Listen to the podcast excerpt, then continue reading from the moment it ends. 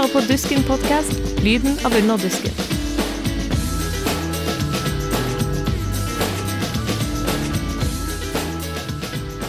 Ja, velkommen til denne pilotepisoden av Dusken podkast. Eh, Studentavisa i Trondheims helt eh, egen podkast. Mitt navn er Jan Ivar Kjølseth, jeg er med under Dusken. Og med meg så har jeg min kjære kollega Benedikt. Det er sånn. God dag. Vi er jo begge med i avisa, og vi vil jo gjerne bidra litt på, på vår måte, så vi har valgt å lage en, eh, en podkast med supplement til avisa. Eh, hva skal vi gjøre i den podkasten her, Benedikt? Jo, eh, vi tenker at vi skal prøve å gå litt i dybden på en del av sakene fra siste utgave av Under dusken.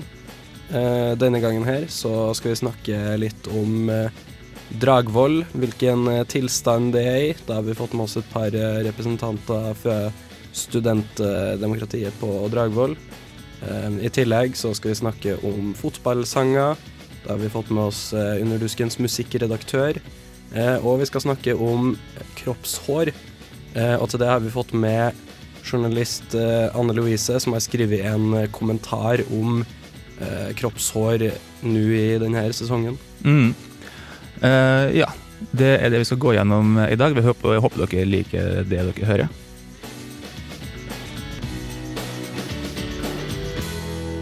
Mars sprang et vannrør lekk eh, på Dragvoll, og i ettertid så har eh, det vært spekulasjoner om hvorvidt vedlikehold er bra nok på campus Dragvoll. Eh, Vi har med oss Trine Øverås og Felipe Fawcett i studio, som er fakultetstillitsvalgt for HF og instituttstillitsvalgt for sosiologi og statsvitenskap ved SU. Og dere, har, dere opplevde jo denne lekkasjen på nært hold, stemmer ikke det, Felipe? Jo, det er riktig, det. Mm. Um, hvordan, hva var reaksjonen din når du så det som skjedde? Tja, det var jo litt eh, spesielt eh, da vi oppdaget det, siden vi satt jo inne på studentrådskontoret og gjorde oss klar til et eh, vanlig møte. Og så kommer det en instituttillitsvalgt og sier at det lekker litt fra en lesesal. Og vi er jo vant til lekkasje på Dragvoll, så vi tenkte kanskje bare rant litt vann en plass det absolutt ikke skulle renne, så vi gikk rolig bort for å sjekke hva det var. Men vi har jo alle sett videoen, og det fosset jo ut helt vilt, da.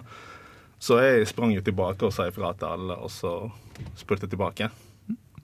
Lekke litt, det var en underdrivelse, tror vi godt Ja, kan si. vi var veldig enige om at uh, han som eh, varslet det, underdrev veldig. Han var, han var veldig rolig om det. Og han var sånn Ja, jeg skulle egentlig dra hjem, jeg mistet bussen, men eh, tenkte sikkert det var greit å si fra om dette. Mm.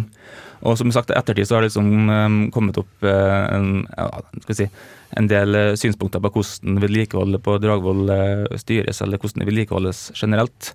Um, hvordan andre vedlikeholdsproblemer har blitt oppdaga på Dragvoll, Trine? Um, det varierer veldig mye. Um, kan gå fra dårlig luft um, til at taket lekker. Um, mugg har blitt oppdaget, men det blir jo ja, avvist litt. Grann. um, men uh, ja um, Kaldt på vinter og altfor varmt på sommer uh, er hovedpunktene. Mm. Og Dere studerer jo begge på Dragvoll sjøl. hvordan vil dere si at miljøet på Dragvoll påvirker deres studietid personlig? Tja, det påvirket jo meg allerede fra dag én, da. Siden eh, da jeg begynte på Dragvoll, så sa fadderen min eh, litt sånn tullete Jo, eh, Dragvoll ser skikkelig fint ut nå i begynnelsen av semesteret, men om vinteren når det blir snø, så blir det iskaldt, og på solskinnsdager så blir det ganske varmt, så forvent at det regner litt inniblant. Så Mm. det er jo et det er jo, det er jo et jeg håper ikke rykte, men en sak som går om og om igjen. Nå sier jo NTNU at uh, Dragvoll vedlikeholdes på lik linje med andre campus, og så sier de vel til og med at det er andre campus som har større behov akkurat nå. Uh, hva synes dere om det? Tja, akkurat nå så vet jeg kun at det, det er Dragvoll som uh, opplever at det regner inne. Hvis det finnes større problemer i det enn det, så vet ikke jeg om uh, det. Men De sier jo også at um, de ikke har fått noen rapporter om det. Uh, tror du at det er bare at folk ikke sier fra om det, eller at de bare ikke får det med seg? Jeg tror det er veldig dårlig kommunikasjon mellom studenter, oss tillitsvalgte, og da også ledelsen på NTNU og eventuelt eiendomsansvarlig. Mm. Eh, Hva kan studentene gjøre for å påvirke sin egen situasjon? Man kan jo melde avvik på NTNU Avvik eh, hvis man bare søker det opp eh, på Google. da. Eh, Og det går jo ut på at man melder da avvik om, om det så alt fra forelesning til fysisk vedlikehold. Så når man sender inn denne avviksmeldingen, så plinger det hos NTNU fram til de har lest den. Og den går ikke vekk da. Så jo flere som melder inn avvik, jo mer går opp eh, statistikken på at det er et eh, problem på campus. Og det er noe som vi har blitt fortalt er det mest effektive å gjøre. Eh, hvilke tiltak mener dere NTNU burde gjøre for å bedre, bedre situasjonen på Dragvoll? Ja, som jeg sa på intervjuet, så absolutt kommunikasjon.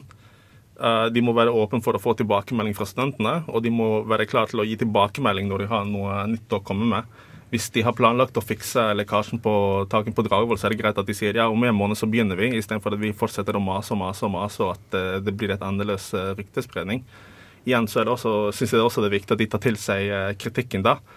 I artikkelen så sa jo NTNU at de visste ikke noe om lekkasjer inne på Dragvoll, men alle vet jo at så snart det begynner å regne, så drypper det ned. Ja. Det er jo litt uheldig at de kommer med sånne uttalelser, men Mm. Jeg tror at det beste er at de er åpne for kritikk og åpne for å snakke ut om det. Mm. Uh, tror dere i det hele tatt det er en påvirkningskraft at uh, nå skal jo uansett Dragvoll avvikles etter hvert? Tror dere det har noe å si? Ja, jeg tror det har uh, noe å si. jeg vet ikke hvor lenge det er til vi skal flytte. Ti år, kanskje. Mm. Um, vi har jo fått et nytt studieplassrom, kan man kalle det. Det er det eneste forberedelsen jeg har sett. Uh, tror ikke de kommer til å prioritere f.eks. taket. Um, mm. Det er jo en uteplass, som sagt. Mm. Ja, til tross for at uh, Dragvoll, uh, studentmassen på Dragvoll skal flyttes ned til Gløshaugen, så er det absolutt viktig at de fortsetter å vedlikeholde bygget, siden det er snakk om 10-15 år til alle sammen er flyttet ned. Og det er snakk om 10-15 år med studieløp. Man kan jo fullføre master, ph.d. mye på den tid. Og det er veldig dårlig at en førsteårsstudent som går på Dragvoll fram til man er ferdig med f.eks. doktorgraden eller mastergraden, skal oppleve at eh, det drypper ned på hodet hver eneste dag i alle de årene.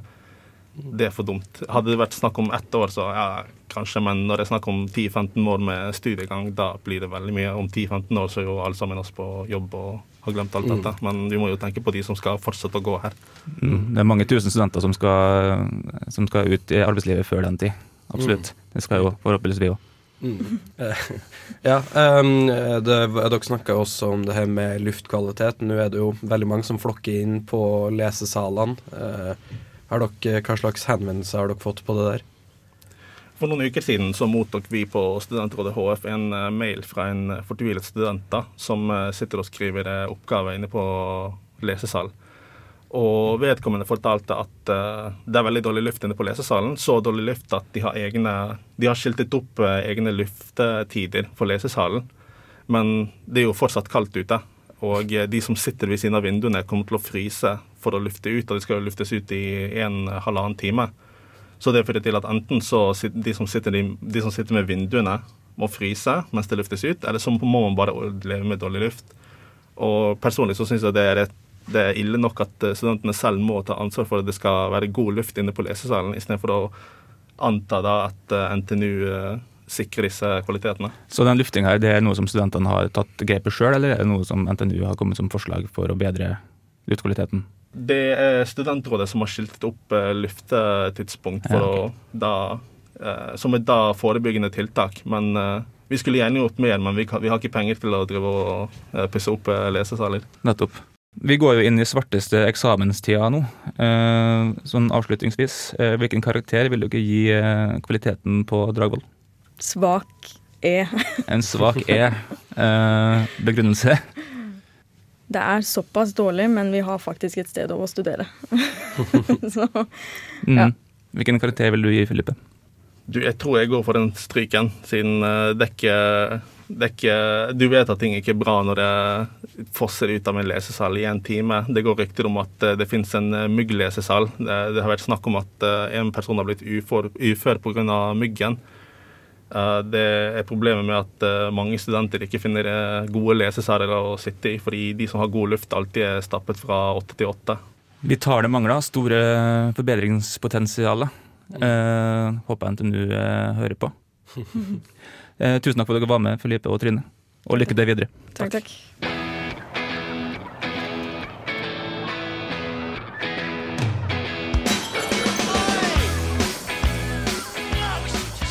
Våren er her, og sommeren er på trappene. Eh, Det er tid for å begynne å gå litt i kortere klær, vise litt hud.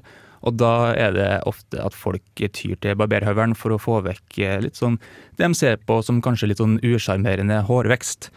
Og i Under dusken kan du lese det er noe underlig infantilt rundt et ideal som krever minimalt med hår. Hvem kan egentlig rekke opp hånden stolt og innrømme at de foretrekker at sin partner ser ut som et barn i senga? Det skriver da Anne Lovise Finne i sin kulturkom kulturkommentar 'Hårreisende prinsippfast'. God dag. Hallo. Ble du litt satt ut der? Ja, bitte litt. Men du, um, det virker som du har ganske krasse ord mot uh, det å barbere alt av hår på kroppen. Er det noen spesielle deler av kroppen du sikter til? Ja, det jeg skrev det egentlig med tanke på hele kroppen, men eh, det var jo kanskje spesielt tilsikta um, litt lenger sør, da. Ikke helt sør, men litt lenger sør. Ikke ned på tærne, altså, Nei. men uh, mer ut ekvator. Hva, hva føler du om uh, denne kulturkommentaren, Benedikt? Ja, nei, jeg synes jo det er veldig gøy. Det er jo noe som uh, ofte kommer opp uh, litt sånn tid til annen i akkurat uh, den tida her, og er jo kanskje spesielt eh, re eh, relevant akkurat nå, da, med tanke på hvor masse sånn debatter det har vært rundt eh, generell skjønnhets... skjønnhets... eh, skjønnhetsideal og ja, hva man skal gjøre på kroppen, hva som er innafor. Eh, jeg lurte på litt eh, hva slags forhold har du til det her sjøl? Ja, altså nå er, nå er jo jeg dame, da. Jeg er jo, da har jo vært det ganske lenge. Jeg har vært det i 25 år. um, og har jo vært med på dette siden 90-tallet. Um, og det For det første så er det jo et kjempestort hersk. Herk. Herk heter det kanskje. Ja. Nei, jeg vet, det, det er veldig mye styr, og så er det jo nettopp det med skjønnhetsidealer som, eh, som det er et kjempestort fokus på, både for menn og kvinner, men spesielt kvinner. Og det, når det kommer til det med kroppshår og kroppshårmote, så er det det, det er bare å legge på enda mer. Gjør det. Og det, det er ikke en centimeter på en kvinnekropp som ikke blir regulert av en form for mote. Og poenget mitt er det at er det virkelig nødvendig? Du nevner også en, for å gå litt inn på uh, populærkulturen, uh, du nevner også en episode av Sex in the City. En episode hvor Carrie tar en uh, Brazilian, og du merker iallfall på Carrie hvor utrolig smertefullt Mm. det er for henne, og hvor mye lidelse folk skal gå gjennom for å nå, det, nå den skjønnheten de, de higer etter. Uh, samtidig så husker jeg også en annen episode av Sex in the City i sesong fire, hvis du husker riktig. Um, hvor det, da er Samantha som har fått seg en uh, ny elsker. Um, hvor det, kommer en scene hvor hun nevner at han er en, uh, en vill mann i, i senga. Uh, hvorpå han kommenterer 'apropos vill', uh, kanskje du skulle vurdere å uh, barbere litt nedentil. Det begynner å se litt vilt ut der nede. Og det er jo veldig nedsettende, en nedsettende kommentar. Det er jo um, eh, Hvilke holdninger er det er det, er det, det skaper? Altså, for det første så er det jo Når det kommer til det området til kvinner, og antagelig menn også, så er det fryktelig sårt, da. Det å skulle høre at man ikke lever opp med å være rett og slett normal. For det andre skal jeg også påpeke at nå har jo jeg prøvd en brasilianer sjøl. Og det gjorde jeg to uker etter at jeg tatoverte ribbeina mine, som var en veldig veldig vond opplevelse. Men det å også sitte der med beina opp i sky i et veldig, veldig zen-like eh, rom med lyset på, og så få den voksen på Jeg har aldri opplevd noe så vondt i hele mitt liv. Det, det, det, det er så vondt. Jeg har aldri tatt uh, Brazilian, aldri tatt uh, Jeg har tatoveringer, men ikke på ribbeina. Uh, hva var vondest, vil du si?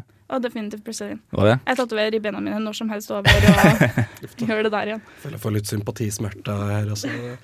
Um, det er jo um, Du sier at det er en skam knytta ved det, for det er jo noe som her som på, på en eller annen måte har blitt knytta til renslighet. da At det, Ideen at det skal være mer rent og være hårløs på kroppen. Uh, det er et inntrykk du har? Um, det er jo absolutt en idé som går rundt, og det er jo noe som jeg har hørt at folk får høre. Folk som eh, ja, for eksempel er fra står og barberer seg under armene. Og sånn, jeg får jo den på, og det at det lukter mer svette hvis du har hår under armene. Og egentlig så er det ganske sjølmotsigende når det kommer til ja, nedentil, for det, det alt med hår har jo en, har jo en funksjon. Har det jo. Og det er jo um, den funksjonen da, som gjør at det, det å ikke skulle ha det håret der, er veldig Men apropos liksom, å barbere andre deler av kroppen, da. nå tenker vi utafor underlivet. Da. Um, hvordan, er det litt innenfor samme, samme tankegang, eller? Ja, definitivt. Er det jo. Jeg tror kanskje at det har mildna litt når det kommer til legghår til kvinner, men eh, i forhold til under armene så er det flere og flere som bryter den stereotypen med at vi skal være glattbarbert under armene, og det er jo utrolig kult. Er det jo. Mm. Og det er sterkt av eh, folk å gjøre det. Nå nå sjekker jeg vel opp litt eh, akkurat det her med helsemessige eh, ting og sånn. og det virker jo som det er veldig lite egentlig som Det er veldig liten grunn til at du skal, kun, at, til at du skal trenge å eh, barbere deg eh, på kroppen generelt. Og det virker som det eneste er kanskje eh, lus på diverse deler av kroppen, men nå har vi kanskje ikke de fleste så store problemer med lus uansett. Um, så ja. Eh, Hvor tror du, tror du det her kommer fra noe spesielt sted? Noe skjønnhetsindustri eller noe sånt eh, som står bak der, eller? Jeg har jo snakka litt i forhold til det med pornobransjen og sånn her. Det var vel i 1974 at eh, det første rosa kjønnsdelen kom til syne. Men eh, forbi det så har du holdt på lenge, det har holdt på siden 20-tallet. Men lell, så det hele med å barbere seg nedentil har jo et annet at det effektivt har fjerna det med Hva heter det igjen for noe? Kjønnslus? Det heter ikke kjønnslus, hva heter det for noe? Ja, ja, Flatlus. Flatlus, ja. Mm. Så det er jo ikke en særlig greie lenger, nettopp på grunn av det. Men det er vel også, det er vel også til gjengjeld så er det vel også sånn at uh, man får litt infeksjoner og sånn eh, nedi der, da. Det er Mm. jo eh, litt sånn inngrodde hår og den type ting Ja, som kan sant. være litt skummelt. For å gå litt videre på det du snakka om i stad, med renslig og urenslig. Um, for ta, også for å ta opp i den Sex and City-episoden uh, igjen også. Uh, når han liksom nevner at uh, det begynner å bli litt vilt der nede. Du kan jo se det som som en slags natur-kultur-dikotomi der, da. At, det å, at for, han, for han elskeren sin del, så var det å være ganske hårete nedentil, det var som å, å, å være nærmere naturen. Det er noe liksom skittent, som noe ukulturelt, på en måte. Men du nevner jo også i saken din um, at eh, det, det virker som at det å ha hår er på en måte det slags nesten unaturlige, eh, mens det, eh, det å være glattbarbert er naturlig, men du vil ha det motsatt. Ja, definitivt. Mm. Jeg forstår jo ikke hvorfor det skal være sånn at det å behandle kroppen på en eller annen form på en måte skal være normen da, i Mm. samfunnet. Mm. At, og det som gjør et voksent menneske til et voksent menneske, når vi går gjennom faser som pubertet, hvor artig er ikke det, så er jo nettopp hår som er et av de store poengene der. Og det, det er jo en del av det å bli voksen. Mm. Og kjønnshår har jo også flere funksjoner. Ifølge noen forskning så gjør det jo også det at man har mer sexlyst. Og det har en funksjon sånn sett, og det er jo det som gjør oss til voksne mennesker. Og det i seg sjøl burde jo være det mest attraktive. Eh, Nå er det jo sånn at det kan jo ikke lytterne våre høre, men eh, Jan, du har jo også hår i ansiktet, og det er jo en ting som eh, ikke alltid i Norge i hvert fall har vært eh, eh, akseptert da, for menn å skulle ha hår i ansiktet, og at det kunne gjøre at du ikke fikk jobb og diverse ting.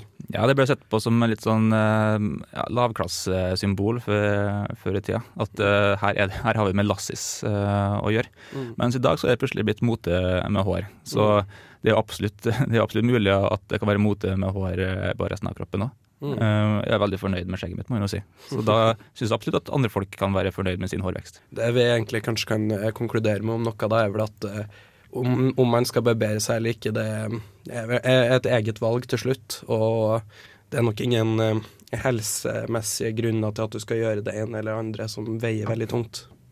Har du noen siste tanker, Livise? Ikke egentlig. Jeg sitter og tenker på hva jeg liker sjøl.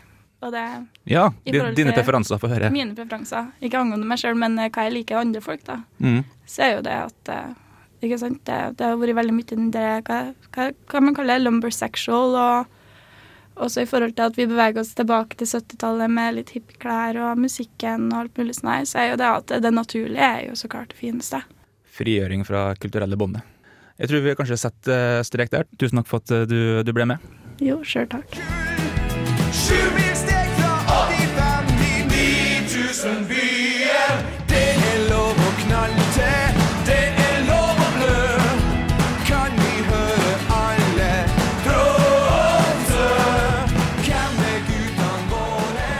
Der hørte vi et utdrag fra 9000-byen. Det var en eh, cupfinalelåt som ble skrevet til Tromsø IL tilbake i tida. Fotballåter blir ofte sett på som litt harry, eh, ja, litt enkle tekstmessig, og det er, som, det er ikke sanger som folk hører på som oftest, men er det noe mer med disse sangene enn det vi faktisk, eh, faktisk tror og vet? Jeg har med Trym Kjøs, som er musikkredaktør i Studentmediene. Hallo? Hallo. Nå har ikke mikrofonen på, vent litt. Sånn. Der er vi på. Da er du med. Er Kjempeflott. Eh, du er jo veldig glad i den låta her, er du ikke det?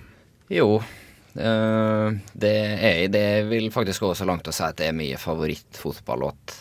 Og det sier jo litt, for du er ikke Tromsø-fan. Jeg er ikke Tromsø-fan. Grunnen til at jeg liker denne låta, det er, stammer kanskje fra uh, Jeg var i militæret med en uh, som var fra Tromsø, og var veldig glad i, i klubben sin. Og det var vel han som introduserte med færre låter. Og eh, kanskje det artigste med dette er jo at eh, Tromsø tapte den cupfinalen, sjøl om de har denne låta her i ryggen. da. Du har jo skrevet en, eh, en eh, liten tekst om det her i Underdusken, siste Underdusken, Mm. eh, hvor du annet sier at det er jo helt utrolig at de greide å tape med en slik låt. Eh, har eh, slike fotballsanger veldig mye å si eh, når det kommer til f.eks. cupfinaler, hvor alle, begge lagene har en egen sang? Eh, ja, det, det vil jeg tro, for låta er jo skrevet til den spesielle anledninga som en cupfinale er. Og øh, klart at det er, det er veldig kort tid for artistene å forberede denne låta her, for laget der kvalifiserer oss ikke til, til cupfinalen før en knapp måned før. Mm. Så artistene har jo ofte da ganske dårlig tid. Så det at eh, det kanskje blir eh, både produksjonsmessig og lyrisk litt slett, det kan forekomme. Men eh, Violet Road, det har jeg fått det til her. Mm. Hvilke forhold har du til fotballåta, Benedikt? Ja, ja, nei, eh, egentlig ingenting. Jeg har hørt, eh, hørt et par av dem før, eh, kanskje mest de engelske, som kanskje alle kjenner til. Eh, de store der, eh, You'll Never Walk Alone, eh, Ringo Starr, var det ikke det? Mm. Uh, nei, men uh, altså, jeg, jeg, jeg skjønner hva du mener med litt uh, lyrisk og musikalsk slett, i hvert fall. eh, det skal jeg si. Det er ikke noe som Benedikt hører på til vanlig, eh, men både jeg og Trym er jo veldig fotballinteressert, eh, begge to. Og vi er jo veldig glad i eh, fotballåter, begge to. Eh, Som du nevnte nå i stad, så er det jo ofte litt sånn ja, kvaliteten er ikke det beste. Men hvorfor, er det, hvorfor liker vi dem fortsatt så godt? Eh, Jeg tror det har med det at uh, låta er skrevet altså eksplisitt altså til et lag. Og det er direkte inn mot det fotballaget. Og eh, teksten beskriver jo kanskje særlig der fra, fra Oslo, og særlig Vålerenga, beskriver jo liksom en sånn tilhørighet til ikke bare et lag, men til, til en bydel og til, til et folk. Så jeg tror det er et ganske sterkt budskap, kanskje, i forhold til det låta å fe fram, men det representerer i hvert fall noe mer. Det er et samhold, da. Det er absolutt et samhold. Og det er liksom Alle de fotballåtene vi hører fra cupfinalene, og sånn, det er ikke bestillingsverk i så måte. Det er faktisk eh, supportere som lager eh, sanger som supportere. Ja. Spiller dem inn og lager til laget sitt. Mm. Det er et visst eh, samhold der, men når det kommer til musikalske, er det noe som slår oss da? Um, hva du tenker på Da tenker jeg liksom på um, Når jeg tenker på sånn supporterlåt, jeg tenker ofte på litt på eh, eufori. Du får litt sånn gåsehud av eh, noen av dem. Du, det, Ja, det, det, det vil du jo få. Og så hjelper det jo selvfølgelig litt på om, om den som har laga låta er profesjonell eller ikke. Sånn som for Molde fotballklubb sin del, som har hatt Jo Nesbø med på laget i, eh, ved flere tilfeller. Her kommer Molde, og vi skal til Ullevål, f.eks. Mm. Begge er jo Jo Nesbø-låter, som har bakgrunnen fra De Derre, som da er profesjonell musiker. og den får jo du gåsehud av, gjør du ikke det? Eh, på eh, alle mulige måter, ja. Jeg og Trym er veldig enige når det kommer til liksom fascinasjonen for eh, fotballåter. Men når det kommer til fotballag, så er vi så, um, så forskjellige som det går an å bli. Egentlig. Eh, han er jo Molde-supporter og Manchester United-supporter, mens jeg personlig er Rosenborg-supporter og Liverpool-supporter. Eh, større motsetning går det nesten ikke an å få i fotballen. Um, men um, vi kan jo gå litt inn på Vi snakka om samhold, men vi kan gå litt mer inn på rivalisering og fiendtlighet, for det har også sin plass i, i sånne supporter-fotballåter. Absolutt. Og da tenker vi ofte, når du, du nevner også i teksten din angående eh, Shit en eh, velkjent eh, rapper her i Trondheim som laga en egen låt som heter Bombefly. Som hadde ganske kraftig skyts mot, mot Moldeby, ja. for å si det sånn. ja, for å si det mildt. Var det ikke bare mot byen, men òg vår kjære ordfører. Ja, privatpersoner òg. Men har fiendtligheten sin plass i, i fotballåta? Jeg syns det. Jeg syns det skal være en viss brodd i ei fotballåt. Ikke nødvendigvis, for det er jo langt ifra alle som er, som er fiendtlig. Men eh, sånn som de to, de to kanskje mest fiendtlige låtene jeg beskriver teksten, som er 20 000 tomme seter, så var Lyn sin uh, cupfinalelåt i 2004 Og uh, sin låt, det var jo ikke Rosenborg sin offisielle cupfinalelåt i 2013, men det var vel ei låt som var, som var lagd i den uh, sammenheng. Ja. Jeg lurer på, er, er tanken med dem her at man skal kunne synge med på det, eller er det mer bare sånn for å høre på? Shitrich eh, si låt var vel kanskje ikke sånn som du skulle synge med på, men 20 000 tomme seter ville jo sæva det, ja. Uh, 20 000 tomme seter og synger jo Klovner i kamp om at de skal drepe Brann-supporter. Mm. De viser i, hvert fall i musikkvideoen Mm. at de teiper eller binder en Brann-supporter fast i toglinja. Som sender ut litt uh, forskjellige, forskjellige signaler. Men som du sier, det skal, det skal jo kanskje være litt brodd i en fotballåt. Det skal være litt stikk mot det andre laget. Det skal jo på en måte Samtidig som du bygger ditt eget, ditt eget lag opp, så skal du på en måte prøve liksom å, å, ja, å skyte det andre laget ned. Og det handler på en måte om å, å, støtte, å støtte laget òg.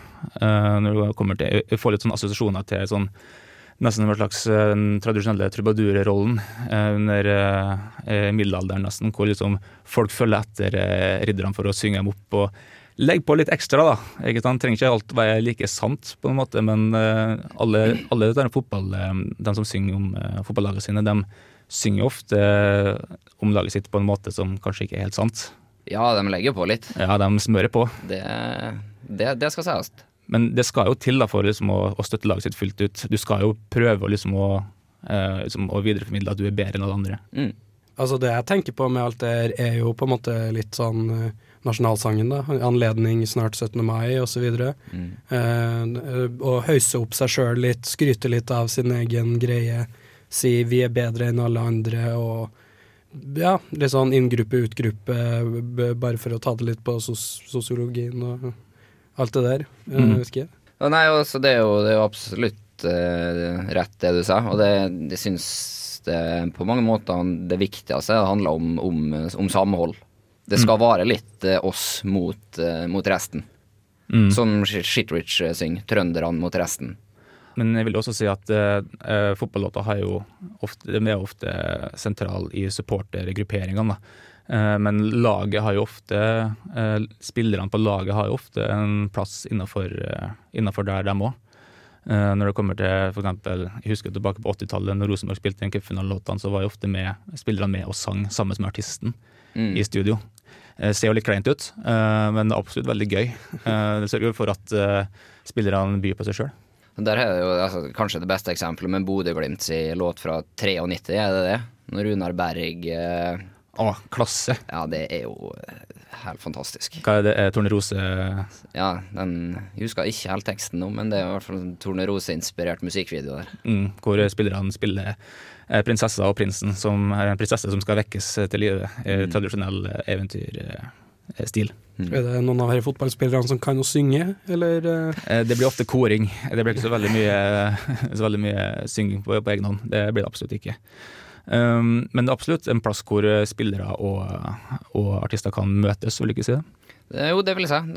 På den, den Drillo-låta fra 90-tallet så fikk de med seg snart hele landslaget til å, til å synge i studio der. Mm. Jostein Flo og noen deilige sveiser der. Og um, jeg ser ofte på cupfinaler og sånn, etter cupfinalen er spilt, Mm. så møtes jo ofte spillerne og supporterne i byen der de kommer fra, på et eller annet utested og synger for full hals den hymnen Mm. uh, som de har, enten om det er Billiton Ivers, eller om det er Rosenborg-sangen, eller om det er um, Her kommer Molde, eller om Mm. det er Bodø-Glimt, uh, hva det er. Jeg tror i hvert fall kan si at uh, for oss som er glad i fotball, i hvert fall, så har jo på en måte fotballåtene en mye bredere funksjon enn for dem som kanskje ikke er så interessert. Mm, absolutt. Det høres sånn ut, i hvert fall. uh, nei, det er, jo, det, det er jo forståelig. Du må kanskje ha i hvert fall en viss interesse for, for sporten for å sette pris på, på ei fotballåt. I hvert fall med tanke på at det musikalske kanskje ikke alltid er så bra. Men det er jo det jeg, som er litt min mening, da. At eh, det er ikke alltid så nøye med det musikalske. Du må Fotballåta står for noe mer her. Det, det er samhold og trøkk. Ja. Jeg føler jo det gjelder med nasjonalsanger og for så vidt. da. Jeg syns ikke 'Ja, vi elsker' er kanskje litt brannfakkel, men kanskje ikke den beste låta, liksom. eh. Den er litt monoton, det, Ja. det må være lov å si ja, det. Ja, ja, jeg tror, føler det. Det finnes mange som er bedre, jeg må si det altså. Men uh, så lenge det finnes fotballsupportere, så kommer det til å finnes eh, fotballåter. Det er jeg sikker på. Og det, vi kommer til å følge med videre, vi, Trym. Det gjør vi. Tusen takk for at du kom. Uh, vi snakkes snart igjen. Det gjør vi.